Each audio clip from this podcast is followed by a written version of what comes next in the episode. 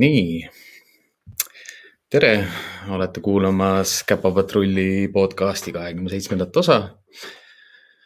minu nimi on Siim, olen Siimäe kooli arendus- ja koolitusjuht. ja tänane teema on meil siis jah, nii-öelda koerte valdkonna paradigma ja diskursuse muutus.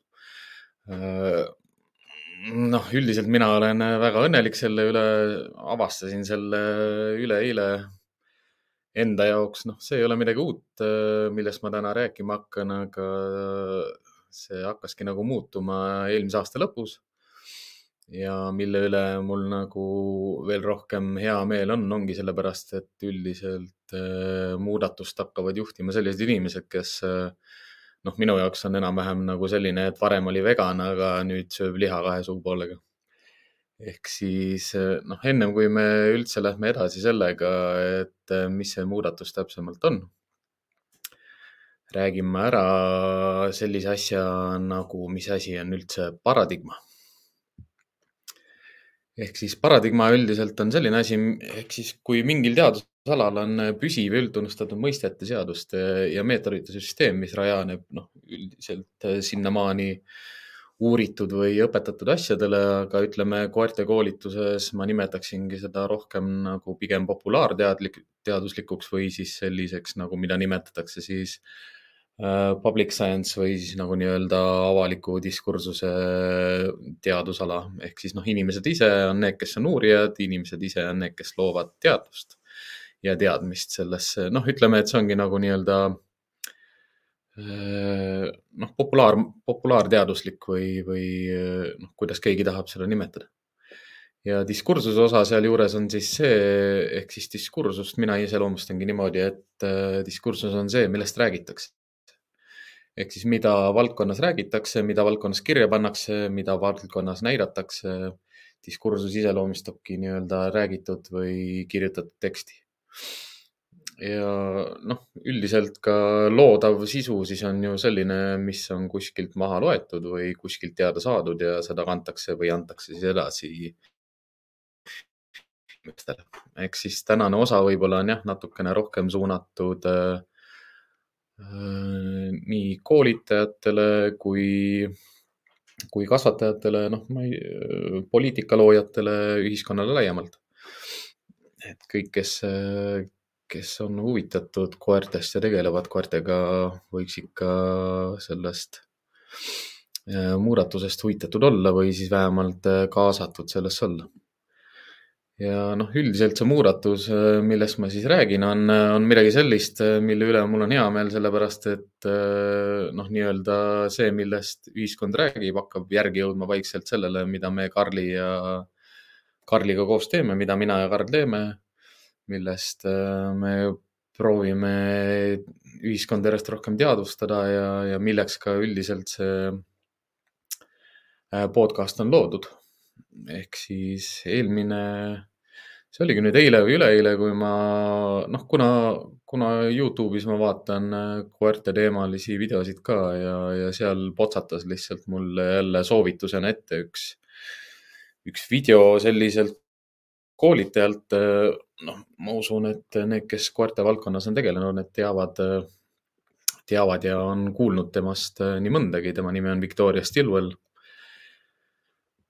Victoria Stilwell on jah, üks siis All Positive koolkonna üks suurtematest juhtidest ja liigutajatest. ta on, tal on ka oma telesaated, tal on veel podcast'e tal on, ta on esinenud erinevates saadetes, ta vist, ma arvan, et on isegi kirjutanud raamatuid. ja video, mille peale ma sattusin, siis oli tema Youtube'i kanalil, mille nimi on VS äh, Positively. ehk siis V ja S on suured tähed ehk siis nagu Victoria Stilwelli mõlemad nime algustähed ja Positively ehk siis positiivselt ma ei olnud ühtegi videot selle kanali pealt varem nagu vaadanud ja siis, kui ma seda kirjapilti nagu nägin, et VS Positively, et miks, miks Victoria Stilwellil on nagu versus positiivne, et noh, versus või VS siis nagu versus positiivsele. ma mõtlesin, et noh, küll midagi sellist nagu, mida ma ilmselt peaksin kuulama. noh, pikas perspektiivis jah, ma saan aru, et, et otseselt see kanali nimi tegelikult ei ole Versus Positively, aga on Victoria Stilwell Positively, aga no ikkagi niimoodi sihuke õrn, õrn lootus, ootus, soov on ikkagi selles suunas jah, et, et selle Youtube'i kanali nimetuse loomisel on Victoria Stilwell ka natukene äh, proovinud sellesse nimesse panna ikkagi mingisugust nagu alamõtet nagu sisse. See Youtube'i video, millest ma räägin, selle ma lisasin ka siis äh, Youtube'is oleva video alla selgitustesse.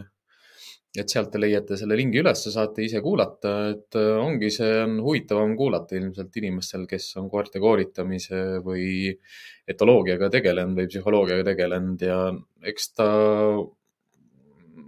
on ka kuulamist väärt sellistele inimestele, kes on koertega koos äh, pikemalt elanud, mina mõtlen, noh, kes on koeraga koos elanud üle kümne aasta või noh, ma ei paneks sinna mitte mingit sellist nagu, nagu ajalist piiri, et äh, koera, noh, minu jaoks on, mul tuleb selline paralleel, et mul võivad autoload olla, aga ma autoga ei sõida, et, et samamoodi, et mul võib koer olla, aga kui ma temaga ei tegele, et siis mul ka ei ole võib-olla nii palju kogemust nagu selles osas, et mida mu koer teeb või mida mu koer vajab. aga noh, sellised inimesed, kes on oma koeraga koos äh, elanud, töötanud, äh, ringi liikunud ja tema käitumist jälginud, nendele on kindlasti sealt äh, kuulata ja vaadata. noh, minu jaoks oli see kuulamine vaatamine mõnes mõttes nagu emotsionaalselt väga meeldiv, sellepärast et seda on näha, kuidas Victoria Stilwell proovib leida nagu sõnu, et mida ta tundis, mil, millise arusaamani ta jõudis kuidas ta mõistab seda, mis muudatus on vajalik äh, koerte koolitamises, koerte koolitajate hariduses, koerte psühholoogia mõistmises ja koerte käitumise ja majandamise mõistmises, et seal on palju selliseid nagu sarnaseid dilemmasid äh, käib äh, Victoria jutust läbi, mida ka, mille peale ka ma ise olen mõelnud, nagu näiteks see, et tihtipeale äh, kui ma inimeste kodudes käin, et siis ma tihtipeale ju ei õpeta koerdale mingeid trikke ega ei anna kodutööks nagu istu lama kõrval ja, ja seisa, vaata mulle otsa või look at me või mingeid siukseid harjutusi, vaid ma palun voodi panna teise koha, toidukausi maast üles võtta, mänguasjad kokku panna ja, ja jälgida kindlaid äh, reegleid, piire ja piiranguid, millest edaspidi nagu kinni pidada et Victoria, Victoria ka koos Kim Brophy'ga siis, kellega ta seal selles osas nagu vestleb koerte etoloogiast, käitumisest ja psühholoogiast, geeni, geenidest ja nii edasi, millest me ka eelmises saates rääkisime. Nad mõlemad on, räägivad oma sellistest hirmudest, mida nad oma praktikas muudatusena sisse viisid ja kuidas nad kartsid, et nad jäävad nagu klientidest ilma ja neil on vähem tööd, kui nad nagu muudavad oma praktikat nii palju aga neil mõlemal on äh, nagu nii-öelda positiivne kogemus selles osas, et jah, et, ega üldiselt äh, uksest välja ei saadeta nagu. noh, mina olen koduvisiite teinud nüüd äh, viis aastat. ma isegi ei hakka nagu proovida, proovima nagu kokku panna seda, et mitmetes kodudes ma olen käinud ja kuna tegemist on valdavalt individuaaltreeningutega, siis noh, ütleme ikkagi keskmiselt sada viiskümmend koera aastas. ja iga aastaga see number järjest kasvab. et miks, miks ongi individuaaltreeningud ja kodus käigud, ongi sellepärast, et ma näeksin koera elukeskkonda, teades seda, kuidas ta käitub oma elukeskkonnas. ja valdavalt ongi käitumisnõustamine seotud ikkagi koera majandamisega või siis nagu inglise keeles öeldakse management. noh, mina nimetan seda heaperemehelikuks majandamiseks Victoria nimetab ka oma nii-öelda diskursuse ja paradigma muutuse sellisteks mõjutajateks selliseid inimesi nagu Brian Hare ja Adam Mikloosi. et kes vaatavad, siis näevad ka, mul on siia sulgudesse pandud nende sellised tuntumad ja populaarsemad raamatud. Brian Hare'i ma lugesin kunagi ammu, tema on ka üldiselt minu individuaalõppekava individuaalkoolituse õppekava üks, üks raamatutest, mida ma soovitan inimestel lugeda, kes, kes mu õppekavaga on tutvunud. äh, geniaalsed koerad ja on tema raamat, see on eesti keeles ka olemas, see on eesti keelde tõlgitud. selline kirjastus nagu Tänapäev, kui ma ei eksi, on äh, teinud tänuväärset tööd Eestis ja tõlkinud väga palju häid koertealaseid raamatuid äh, eesti keelde. Ei ole ainult Brian Hare'i omad, vaid on ka Cesar Milan ja las ma nüüd natukene mõtlen.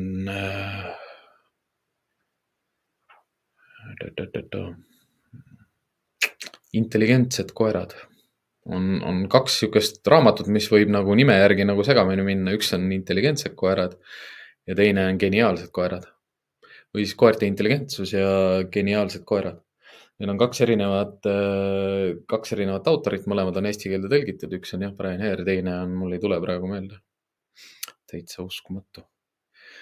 et noh, igal ennast tõsiseltvõetaval koerte käitumise spetsialistil soovitan ka need raamatud kaanest kaaneni läbi lugeda ja mõtestada enda jaoks. noh, ühtlasi on äh, võib-olla raske mõtestada, kui sa ei ole väga paljusid koeri näinud ja koerte käitumist nagu kõrvalt saanud pikalt jälgida, aga kui te olete koeri näinud ja saanud jälgida, siis need raamatud räägivad teile rohkem kui tuhat sõna. Äh, see ongi see, et, et koertealased uuringud on äh, tänapäeval ka ikkagi veel sellised äh, eksperimendi, eksperimendi alusel üles ehitatud, et ei tehta veel väga kvalitatiivseid uuringuid, vaid tehakse endiselt veel kvantitatiivseid uuringuid, aga mis me andragoogidena inimeste õppimise ja uurimisel oleme nagu no, ammu endale teadvustanud, on see, et me ei uuri enam kvalitatiivselt seda, et mitu inimest õpib õigesti, mitu valesti, vaid me uurime seda, et miks ja kuidas nad õpivad või miks nad ei õpi, et koerte, koerte uurimustööd peaksid ka jõudma sinnamaani, et nad ei ole enam nii eksperimentaalsed, vaid nad on kogemuslikud, aga noh, koerte kogemust on nagu raske tõlgendada, seda enam, kui me ei mõista neid veel, noh, kui me pidevalt korrutame endale, et, et me endiselt veel ei mõista neid täielikult ja me ei saa sealt mingeid järeldusi teha jah, siin tuleb ka selline inim, inim, inimteadus nagu sisse, mida me tööpõllult nagu lihtsalt näeme ja kogeme. Teadusharud arenevad niimoodi, et, et see ei saa olla selline üldine tõde, kui seda ei ole teaduslikult tõestatud. Adam Mikloosi proovis siis oma raamatus ja noh, selliseid teadusuuringute kogumikke on veel, mis kirjutatakse populaarteaduslikult kokku, et oleks inimestel hea lugeda selliseid kogu, kogumikke, uurimustööde kogumikke on veel, aga nende, nende väljund või selline valdav selline kasutusala või paradigma muutus ei tule väga tugevalt esile, kuna, kuna selliste suurte raamatute kirjutajate töödes proovitakse leida kitsaskohti ja hakatakse keskenduma mingile ühele kitsale alale või kitsla, kitsale tõendatud nagu äh, kogumikule, ilma et, et loetaks läbi terve raamat. hästi lihtne on vaadata kuskilt teadustööd mingi piiratud lehekülge, minna sinna leheküljele, lugeda see lehekülg läbi ja teha siis oma järeldused selle lehekülje alusel, et ahaa, noh, mina ei tea, minu arust siit jääb ikka midagi puudu, natukene vähe et äh, koerte valdkonnas ja koerte koolitamise ja psühholoogia valdkonnas on ka väga palju sellist solkimist olnud ja nimede, nimede kasutust, väljaöeldu kasutust äh,. Kuulsa etoloogi huntide-uurija selliseid väiteid, mis on seotud alfakoerte ja domineerimise asjadega, kus need on korduvalt nagu kontekstist välja võetud ja, ja pritsitud ja nühitud ja määritud igal pool mööda põrandaid ja seinu, et äh, noh, minugi poolest, ega see on kõikides valdkondades tegelikult ju loomulik ja, ja, ja, ja, ja selle, selle moeline, selle moeline nagu olnud. Et kui noh, tänase ülekande pikkus võib-olla ei lähegi väga pikaks jah, kui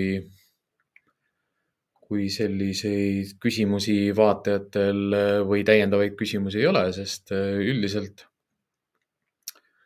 ma olengi lihtsalt äh, väga õnnelik, väga rahul sellega, kus ma praegu olen, kus koerte käitumise valdkond praegu on ja kuhu poole ta liigub. Mul on, noh, minuni on jõudnud erinevat informatsiooni ka täiendavatest muutustest, mis hakkab Eesti ühiskonnas nagu esile tõusma. mul on hea meel, et see, mida ma olen päevast päeva teinud, millesse ma usun, millest ma unistan, on saanud jätkuvalt ja endiselt äh, tuge ja toetust. mul ongi tuge, toest ja, toest ja toetusest rääkides äh,. tahaksingi siinkohal tänada jätkuvalt meie toetajaid. et kes, kes ülla-ülla, noh, laieneb see ringkond ehk siis tänusõnad lähevad siit Erika Lahele, äh, Enge Vaiklale, Katrin Kaasikule ja Jarno Pärnakivile. Et suur-suur tänu teile kõigile, et meie tegevust äh, ja podcasti toetate. et jätkame kindlasti nende ülekannetega. tänane teema Äh, seondubki mulle kõige rohkem sellega, et mille poole nagu koerte koolitamise ja treenimise valdkond just nagu era, noh, nimetamegi seda erasektoris peaks liikuma, sest äh, millega ka mina olen nõus, on see, et teenistuses olevaid koeri peab treenima Äh, hüpokoeri peab treenima, töökoeri peab treenima, pimeda juhtkoeri peab treenima, võistluskoeri peab treenima, näitusekoeri peab treenima. aga millega ma olen ka päri, et, et kodukoera, kes on mu sõber, kes on mu kaaslane, kes on äh, minu elu jagaja, et teda ma ei pea, teda ma ei pea nagu nui neljaks kõrval käima treenima või distantsilt lamama ja istuma treenima et äh, treenimisvajadus on alati selline, et, et, äh, et treenida tuleks selliseid asju, mis on, noh, mida on vaja treenida, mis on selleks, et vastutada oma koera elu ja tervise eest vajalik treenida. Mis on üldiselt ka noh, minu praktikas olnud äh, sellised kitsaskohad ongi, ongi sellised koduvisiidid ja külastused, kus ma ka hilisemalt olen saanud tagasisidet, et, et, et et äh, ma ei jätnud kodutööks ühtegi trikki ega nippi ega mingit äh, noh, harjutust, mingit kuulekusharjutust, vaid lihtsalt, lihtsalt äh, tegelen koera majandamisega, noh, koera elu ümbermajandamisega. valdavalt noortel inimestel sellist probleemi ei ole, noh, mul lihtsalt endal tuleb praegu meelde siuksed viimased, viimased külastused, jah kus ikkagi pikema elukogemusega inimestel on raskem leppida selliste lihtsate, lihtsate lahendustega näiliselt rasketele asjadele. Ja tihtipeale on raske seda, noh, ma kujutan ise ette, et seda on inimestel raske hoomata, et kuidas ma lihtsalt koeraga koos elades ja tema elu majandades saab muutuda tema arusaam laiemalt nagu sellest, kes ta on ja mida ta siin teeb. sest äh, tunni aja jooksul sa ei pane konteksti kõiki neid tegevusi, noh, ütleme, et näiteks sellest, et miks toidukauss ei tohi olla maas, võiks teha täiesti eraldi podcast'i osa. Äh, sinna laia, laiema fookust külge panna, igast küljest seda vaadata ja põhjendada ja selgitada kasvõi tõupõhiselt või tõust lähtuvalt või koera vanusest lähtuvalt või toidu toidust lähtuvalt, kas see on toortoit, kas see on tavaline krõbin, on ju, noh, mida see koer sööb, et, et neid, neid nüansse tegelikult igas selles tões või tõekspidamises on palju, mida me, mida ka mina õpetan, mida ka ma jagan inimestega. et sellepärast ongi oluline ehitada üles äh, koolitusprotsess, kus me tahame midagi muuta selliselt, et äh, inimene on teadlik sellest, mida ta tellib. Inimene saab aru sellest, äh, mida mina teen ja inimene saab aru ka sellest, millised on need järeltegevused, mis saavad siis, kui mind enam ei ole või, või mina ei ole kogu aeg kõrval ja juures. Ja ma ei saa seletada või selgitada või täiendada inimestele rohkem kui ma olen andnud, sest noh, see mõte ongi see, et kõik, mis sa võtad lahti, sa pead kokku ka panema, et ma võiksin võtta iga koera palju rohkem lahti, aga ma ei saa seda teemat rohkem lahti arutada, sest ma pean selle hiljem uuesti kokku ka panema. ja noh, koolitajana ei ole lihtne selles valdkonnas olla, aga samas äh, on ka äh, mitte lihtne, aga väga nagu, kuidas seda öelda, nagu tänuväärne või, või, või täitev või, või nagu südant soojendav või silmi avav just see see professionaalne areng, see, see, kuidas sa arened koolitaja inimesena selle kõige kõrval, et kui ma mõtlen, kui paljusid erinevaid inimesi ma olen nende aastate jooksul kohanud, kes lubavad mind oma kodudesse, oma peredesse, avavad mulle oma elu, räägivad mulle oma igapäevastest juhtumitest, et noh, sellist, sellist tööd saavad teha ka, noh, terapeudid ja psühholoogid ja, ja nii edasi et tänud kõikidele klientidele kindlasti selle usalduse eest.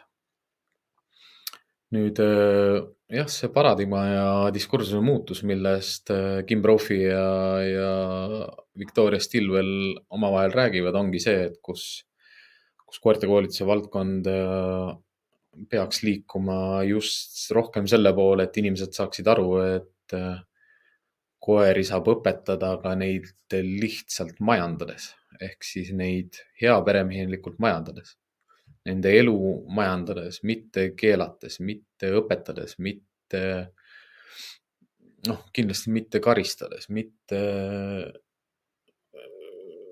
mitte trikikooli minnes. Et aga no nüüd ongi see küsimus jah, et, et kas inimesed võtavad selle omaks, milliseid majandamise meetodeid nad millistest nad ise teadlikud on ja te, noh, kolmas asi veel see ka, et kas nad on üldse nõus midagi sellist tegema. et äh,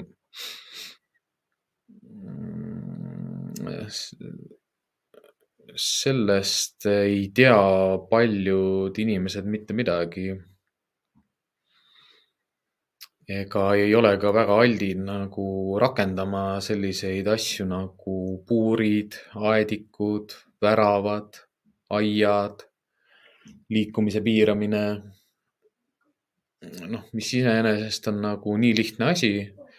ehk siis, kui ma ei taha, et koer midagi valesti teeb, siis ma lihtsalt piiran ta liikumist, et ta ei saaks midagi valesti teha. kui ma ja noh, teine asi, mis on minu jaoks hästi suur äärmus, on see, et koera võtmisel ka otsustatakse sellist asja, et, et kas see koer on mul toakoer või see koer on mul õuekoer et noh, see on jälle selline dilemma koht, et äh, kui ta on õuekoer, siis ma pean arvestama sellega, et kõik, mis ta õues üksi olles selgeks õpib, jääb talle eluks ajaks meelde. ja ma ei saa ise olla pahane sellepärast, et ma jätsin ta üksinda õue sinna õppima. kui ta on toakoer, siis ma pean arvestama sellega, et kui ma tahan, et ta toas oleks viisakas, siis ma pean talle kuidagi õpetama piire, reegleid ja korda, et mis toas kehtivad selliselt et see austaks ka teda kui koera ja mõistaks teda kui koera. et ma ei saa koera hoida päev läbi kodus ja toas ja, ja kui ma nüüd lähen tagasi sealt uksest välja, siis see on äärmiselt oluline, mis toimub koos minuga väljaspool seda ust, millised tegevused, milline käitumine, millised äh, mängud ja nii edasi, et ma tegelikult äh, eelmine kord juba tahtsin võtta ja jagada teiega seda koerte vajaduste püramiidi, aga ma võtan selle täna siis, võtan selle täna siia ette. vaatan, kas ma ise jään ka kuidagi pilti, jään küll. vaatan, äkki ma saan selle teha isegi veidikene suuremaks. niimoodi, ossa poiss oh.. jep niimoodi. ma loodan, et te näete siit pealt lugeda. ehk siis äh, koerte vajaduste püramiid, äh, selle töötas välja Purina. kes teab Purinat, siis noh, te peaksite teadma, pedigreed teate, kassitoite teate, kõiki reklaame teate, Pro-plaani teate. Purina purina on üks minu lem-, noh, siin ei ole jah midagi varjata, purina on üks minu lemmik, äh, lemmikuid toidutootjaid. üks lemmikuid ka koerte ja kasside heaolusse panustajaid. eks ta on jäänud natukene niimoodi nagu joone ja piiri ja, ja kulisside taha, aga noh, selleks, et sellest seda mõista, mida Purina on lemmikloomakultuuri arendamise jaoks teinud, tuleks noh, ise võtta lahti ja endale ette see, et millega Purina tegeleb. et kui te koera hakkate valima, siis soovitan kindlasti minna Purina kodulehele ja lugeda koeratõugude kohta, mitte minna FCI standardite juurde või ma ei tea, kuhu veel. et kui te tahate objektiivset hinnangut tõugudele, siis minge nende lehele teine võimalus on muidugi Vikipeedia. aga jah, ütleme siis, mm, miks ma võtan selle vajaduste püramiidi ette, ongi sellepärast, et seletada võib-olla nii ühtepidi ka aias elavate koerte ja teistpidi ka siis äh, korterites ja kodudes nelja seina vahel elavate koerte vajadusi. et meie, meie kui inimeste kohustus on äh, täita nende esmajärjekorras nende bioloogilised vajadused. et nad saaksid äh, korralikult ja täisväärtuslikult süüa. Et neil oleks kogu aeg puhas joogivesi olemas, söök ei pea kogu aeg ees olema, ei tohi kogu aeg ees olla. peavad saama piisavalt palju liikuda. Neil on vaja õhku. Nad peavad saama magada mitte pikutada, mitte, mitte, ma ei tea, valvata, nad peavad saama magada, rahulikult magada neil peab olema sees turvaline magamiskoht. Turvaline magamiskoht on soe, kuiv, pime ja turvaline. Nad peavad tundma ennast sees olles turvaliselt. et kui me koertele ostame saja kaheksakümne ruuduse maja, siis see ei ole nende jaoks turvaline. terve see maja valvata ei ole nende jaoks turvaline äh, temperatuur, mis peab koertel olema aastaringselt, on viisteist kraadi olenemata viisteist kraadi plussi, olenemata siis sellest, milline karv kattaja tal on, on selline keskmine. Nad vajavad äh, hooldust. Koerad, keda ei ole vaja kammida või kes ei aja väga palju karvu või on hüpoallergeenilised või nii edasi, nii edasi, nii edasi. selle hoolduse all äh, mina näen ja mõistan puhtalt seda, et ma masseerin oma koeri, ma kontrollin, et nende nahk, kõrvad, silmad, hambad, huuled igemed oleksid terved, et neil ei oleks vigastusi, et neil ei oleks puuke. ja minu jaoks täiesti normaalne ja A ja B see, et mu, minu koer laseb ennast minul igalt poolt katsuda ja teda hooldada. ja noh, bioloogiliste vajaduste alla läheb ka nii-öelda esmaabi või siis veterinaarabi või siis noh, veterinaarkontroll ütleme, et enamjaolt ikkagi vettkontrolliga, veterinaarkontrolliga peaks ka samamoodi igaüks ise hakkama saama, aga ütleme teenistuses olles sihuke hea praktika on kord aastas käia koeraga äh, kontrollis.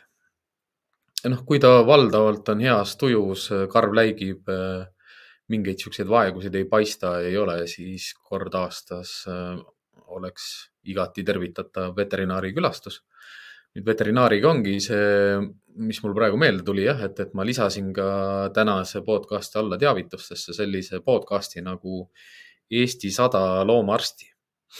Youtube'is on see podcast sa kättesaadaval. Julia Abram, kes käis meil külas rääkimas koerte toitumisest, intervjueerib seal siis veterinaare Eestist. Ka tema südameasi on see, et veterinaaria, väikeloomade veterinaaria Eestis paraneks. Kui te tahate üldse kuulata mingil määral seda, et miks praegu väikeloomade noh, ütleme käitumine, veterinaaride väljaõpe ja, ja tegevus ei ole jõudnud veel endiselt sellisele tasemele, et me koolitame koerte käitumispsühholoogia Eesti Maaülikoolis, on sellepärast, et valdavalt on veterinaaridel ikkagi rõhk pandud suurloomadele aga see rõhk kindlasti hakkab äh, siin lähiajal kõikuma ja loomakaitseseadused ja asjad võetakse uuesti letti ja lauale ja need asjad tuleb tõsise pilguga läbi vaadata.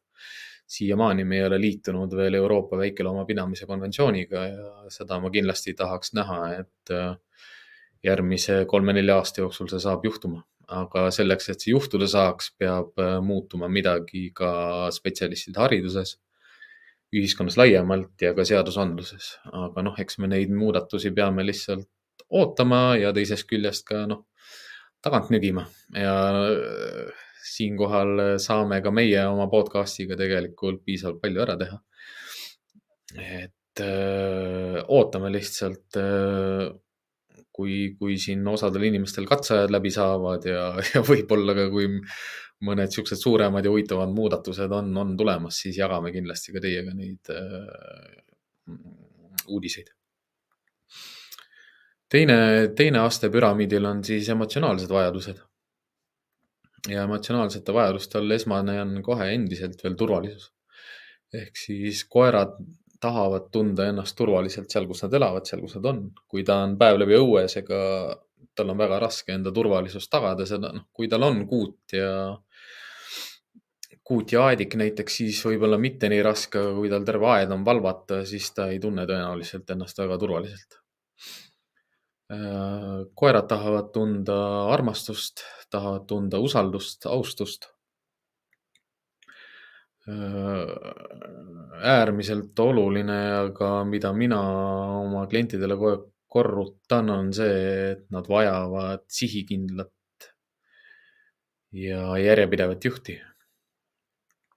ehk siis mida selgem, ühesugusem, selgem, ühesugusem inimene suudab olla, seda lihtsam koeral on. ja nad vajavad lahket juhti. Benevolent äh, leadership, äh, noh, benevolent on rohkem jah, sihuke noh, ikkagi hea juht head juhti ja kui, kui koer elab näiteks noh, ikkagi väga pikka aega üksi, kas hoovis või ka tubases olus, noh, kuna me oleme tööl, siis ega nad ei saa seda juhtimist nii palju, kui nad võiksid saada või vajavad.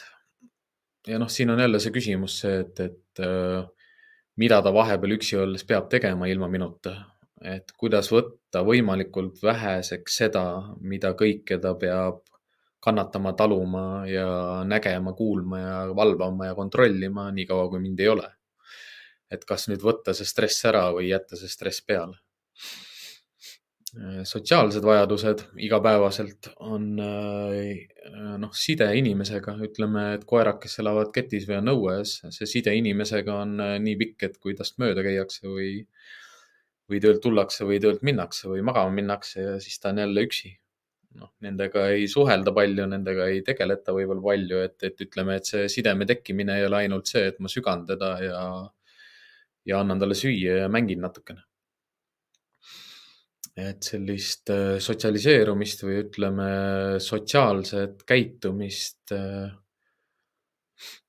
igapäevaselt saamegi tagada ka hoovis lahtiselt elavatele koertele sellega, et me paneme talle rihma külge ja lähme temaga jalutama, lähme temaga metsa, lähme temaga ujuma, lähme temaga treppide peale seiklema, lähme vaatetornide otsa, vaatetornidest alla. Igapäevaselt võiks olla selliseid asju, mida mina nimetan siis väikesteks väljakutseteks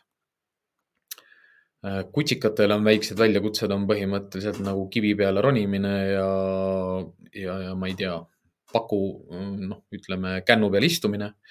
täiskasvanud koeral on see ikkagi rohkem juba nagu paadiga sõitmine või noh, mis me ütleme, noh, mis siis võtaks siia veel. ma ei kujuta ette, jah. Koertega saab teha iga päev selliseid asju mida ei pea otseselt planeerima, aga mida saab äh, ka jalutuskäigu jooksul avastada. noh, kasvõi mööda palki kõndimine või, või läbipaistval äh, vaateplatvormil seismine, et äh, selliseid väikseid väljakutseid võiks olla igas päevas. koos koeraga, koeral koos, koos inimesega ja, ja koeral koos teiste koertega. et kui, kui on selliseid koeri, kellel ei tule elu jooksul nagu sõpru, siis ei ole ka sellest midagi, sest inimesega koos olemisest on ka talle piisavalt kasu. aga mida rohkem koeri teise koera ümber on, seda lihtsam ka sellel koeral on mõista seda, et kes ta ise on.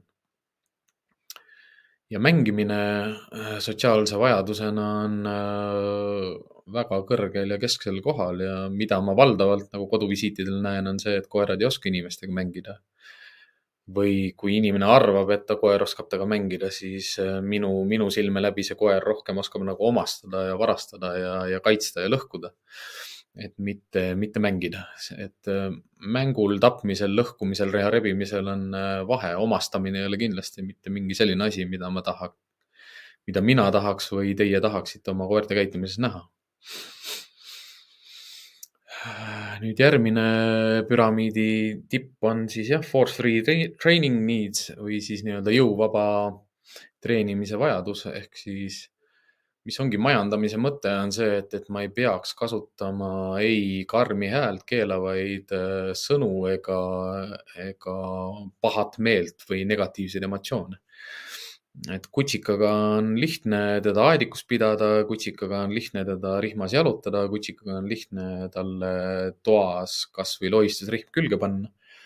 Et me ei peaks temaga karjuma, et me saaksime teda lihtsalt majandada ja kui nad kasvavad suuremaks, siis lihtsalt kõik see, mis me neile juba sotsialiseerimisperioodil kutsikana alla laome, ega, ega me ei pea väga palju rohkem äh, vaeva nägema paljude-paljude asjadega, kui me oleme talle kutsikana juba piire, piiranguid ja reegleid äh, õpetanud ja selgitanud kasvõi selliselt, et äh, võib-olla me ei õpetanud talle või lasknud tal endal õppida midagi uut, aga me ei õpetanud talle ka mitte midagi valet. et ka mitte vale õpetamine oleks selline hea, hea õpetamise tehnika ehk siis täiesti sunnivaba Eh, jätkuvalt, ega me ei, me ei propageeri mitte kuidagi jõukasutust treeningutel, me ei propageeri koerte piinamist ja neile haiget tegemist. aga sellest eh, peavad inimesed endiselt veel aru saama, et eh, kui sa tegeled probleemselt käituvate koertega, kelle üheks probleemiks on agressioon inimeste või koerte vastu, siis seda ei saa vorstiga, seda ei saa vorstiga meelitades välja Äh, ja kõige tipus on siis jah, sellised nagu huvitav, et see sinna sotsiaalsete vajaduste alla ei lange. kõige tippu on pandud siis jah, sellised kognitiivsed vajadused või siis äh, vaimsed vajadused või vaimsete vajaduste täitmine. et koertele meeldivad sellised uued asjad, mida ma ka panen tegelikult nende igapäevaste väikeste väljakutsete alla, et, et iga päev võiks koerale näidata või temaga koos teha midagi uut, midagi teistmoodi, jalutada teist rada pidi jalutada sama rida, rada teistpidi, äh, sõita autoga raja lõppu ja tulla koju tagasi, noh, kasutage oma elukaaslase või sõbra või tuttava siis teenuseid seal jah, või sõitke bussi või rongiga kaugemale ja tulge jala tagasi. või sõitke või minge jala kaugele ja tulge rongiga tagasi ja noh, nii, noh näiteks äh, ja koertele meeldib probleeme lahendada, ütleme, et probleemi lahendamise oskus ongi selline, mida ma kasutan väga palju koertele mäng, mängusituatsioone üles ehitades ehk siis toidu otsimine, mänguasjade otsimine, ka selline mängu väljakutsete esitamine, ütleme ka palli loopimine väga kaugele, nii et ta silmadega enam ei näe, vaid ta peab äh, ninaga otsima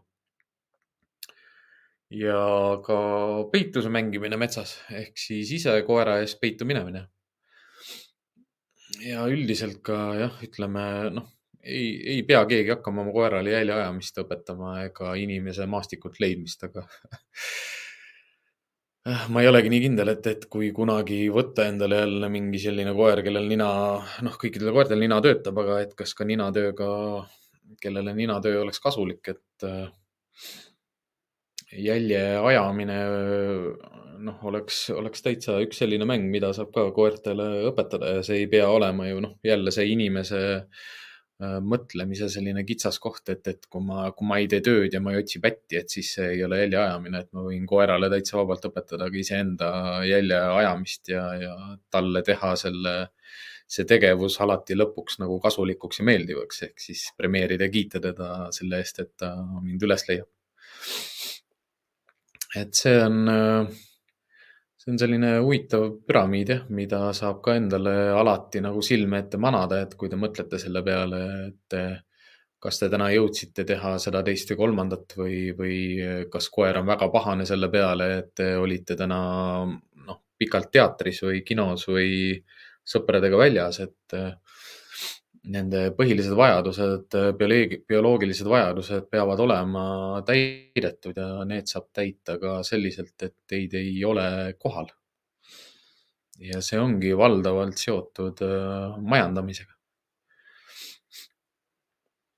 et nende bioloogilised vajadused saab kõik äh, hea peremeheliku majandamisega korraldatud, aga seda hea peremehelikku majandamist tuleb mõista ja võib-olla noh, ongi see paradigma või diskursuse muudatus ongi selles, et, et me läheme järjest kaugemale koolitajatena ka sellest, et äh, me ei tule teile enam koju ja ei anna teile nelja trikki, mida te oma koertele peate selgeks õpetama, vaid me majandame, palume teil koera elamise natukene ümber kujundada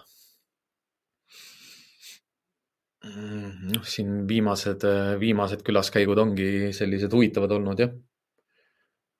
kus, kus osasid asju, mida me õpetame, ei taheta teha, aga, aga osad muudatused viiakse sisse ja, ja koera käitumises just need osad nagu muutuvad, mille me palusime sisse viia ja need osad ei muutu mitte kunagi, millest inimesed ei soovi kinni pidada. ja veel toredam on see, et kui kui sind usaldatakse nii palju, et, et see inimene teeb nagu sõna-sõnalt kõik ära, mida sa palusid teha või, või mil, mis teavet sa jagasid inimesele, et mida oleks vaja teha. noh, ei, ei ole vajadust ega, ega ka oskust ega tahet jagada inimestele asju, milles ma ei ole kindel või, või mida ma ise ei ole järgi proovinud või mille mille õnnestumises ma ei ole kindel. mis jah, jätkuvalt ikkagi jätkub nagu nii-öelda professionaalse koerte käitumisspetsialistina on see, et äh, me ka eksperimenteerime ja proovime jätkuvalt uusi, uusi võimalusi ja lahendusi erinevate koertega. sest äh, noh, see kitsaskoht, millele Kim Profi ja ja Victoria Still veel ka korduvalt nagu vihjavad, on see, et eh, noh, et me oleme enam-vähem üheksakümmend protsenti kindel selles, et, et need asjad liiguvad praegu ühes suunas, aga, aga noh, me ju ei tea täpselt. noh, mina ütleksin rohkem niimoodi, et ma olen enam-vähem üheksakümmend üheksa protsenti kindel selles, et kuhu suunas ma liigun, aga ma jätan selle ühe protsendi alati, alati see, see ei saa kunagi olla sada protsenti, sellepärast et koerad on koerad. noh, koerad, koer on loom et äh, see üks protsent, see varieeruvus jääb sinna alati sisse, et äh, mis ongi mõttetöödes ja selgitustes tihtipeale huvitav, on see, et noh, mitu asja nagu, mida, mida saab korduvalt välja öelda, on see, et äh, ma ei lähe inimesi õpetama, ma lähen koe või tähendab, ma ei lähe koera koolitama, lähen inimesi õpetama, et koer oskab koer olla. mul ei ole koerale vaja mitte midagi õpetada, koer oskab koer olla. ja noh, korduvalt, koer on koer koer on koer, noh, sellest tuleb aru saada, koer on koer. ja kõik koerad on koerad, ükspuha, mis tõugu, mis värvi, mis karvaga sees seal on koer, kui tal on natukene midagi muud sees rohkem, siis ta enam ei ole koer. Siis ta on kojott või, või rebane või, või hunt koerad on koerad, koerad käituvad nagu koerad, koerad elavad nagu koerad, koerad mõistavad seda maailma nagu koerad. ja jah, lootus, õnn ja, ja unistus on selles, et, et see paradigma muutus, mis teaduses ja õpetamises tuleb, on, on üsna valus paljudele vastu võtta. aga nõuab noh, kohanemist ja ümber, ümberkehastumist nii mõnelgi inimesel ja oma sõnade söömist. mis on, mis on hea, sellepärast et igasugune transformatiivne, transformatiivne õppimine on võimalus ja suureks kannapöördeks iga inimese elus ja diskursus, mis hakkab, noh, ütleme see, millest me kirjutame ja ta, noh, mida me loeme ja millest me räägime, see ka muutub nagu tänu sellele paradigma muutusele sellisel kujul, et äh, kasu saavad kõik. sest kui meie koerad on õnnelikud, siis oleme meie õnnelikud. kui meie oleme õnnelikud, siis meie koerad on õnnelikud. ja jätkuvalt liigume endiselt ikkagi ju sellise maailma suunas, kus inimesed ja koerad elavad harmoonias, mis on minu ettevõtte missioon ja visioon ja unistus. Ja jätkuvalt tänud kõikidele toetajatele ja kuulajatele. täna, tänane monoloog oli suurepärane ühtegi küsimust ega tervitustega tänu, tänusõna ei tulnud, aga sellest ei ole ka midagi. et me jätkame tänu oma toetajatele ja näeme teid siis nädala aja pärast pool seitse kolmapäeval noh, pool kaheksa kolmapäeval uuesti. ja siis on juba uued teemad ja uued mõtted. jah, nii palju ütlen veel jah, et Karl on praegu endiselt veel puhkusel. seda ma ei oska teile täpselt öelda, et millal, millal teda jälle siin minu kõrval näha on, aga eks elu näitab ja mida kõikidele siis pean endiselt meelde tuletama, on see, et nüüd, kus te teate mis te teete? Minge kindlasti video alla, vaadake neid linke, mis ma sinna lisasin. vaadake ja kuulake neid ja kuni järgmise kolmapäevani. teadmatus ei ole lollus. head õhtut. tšau.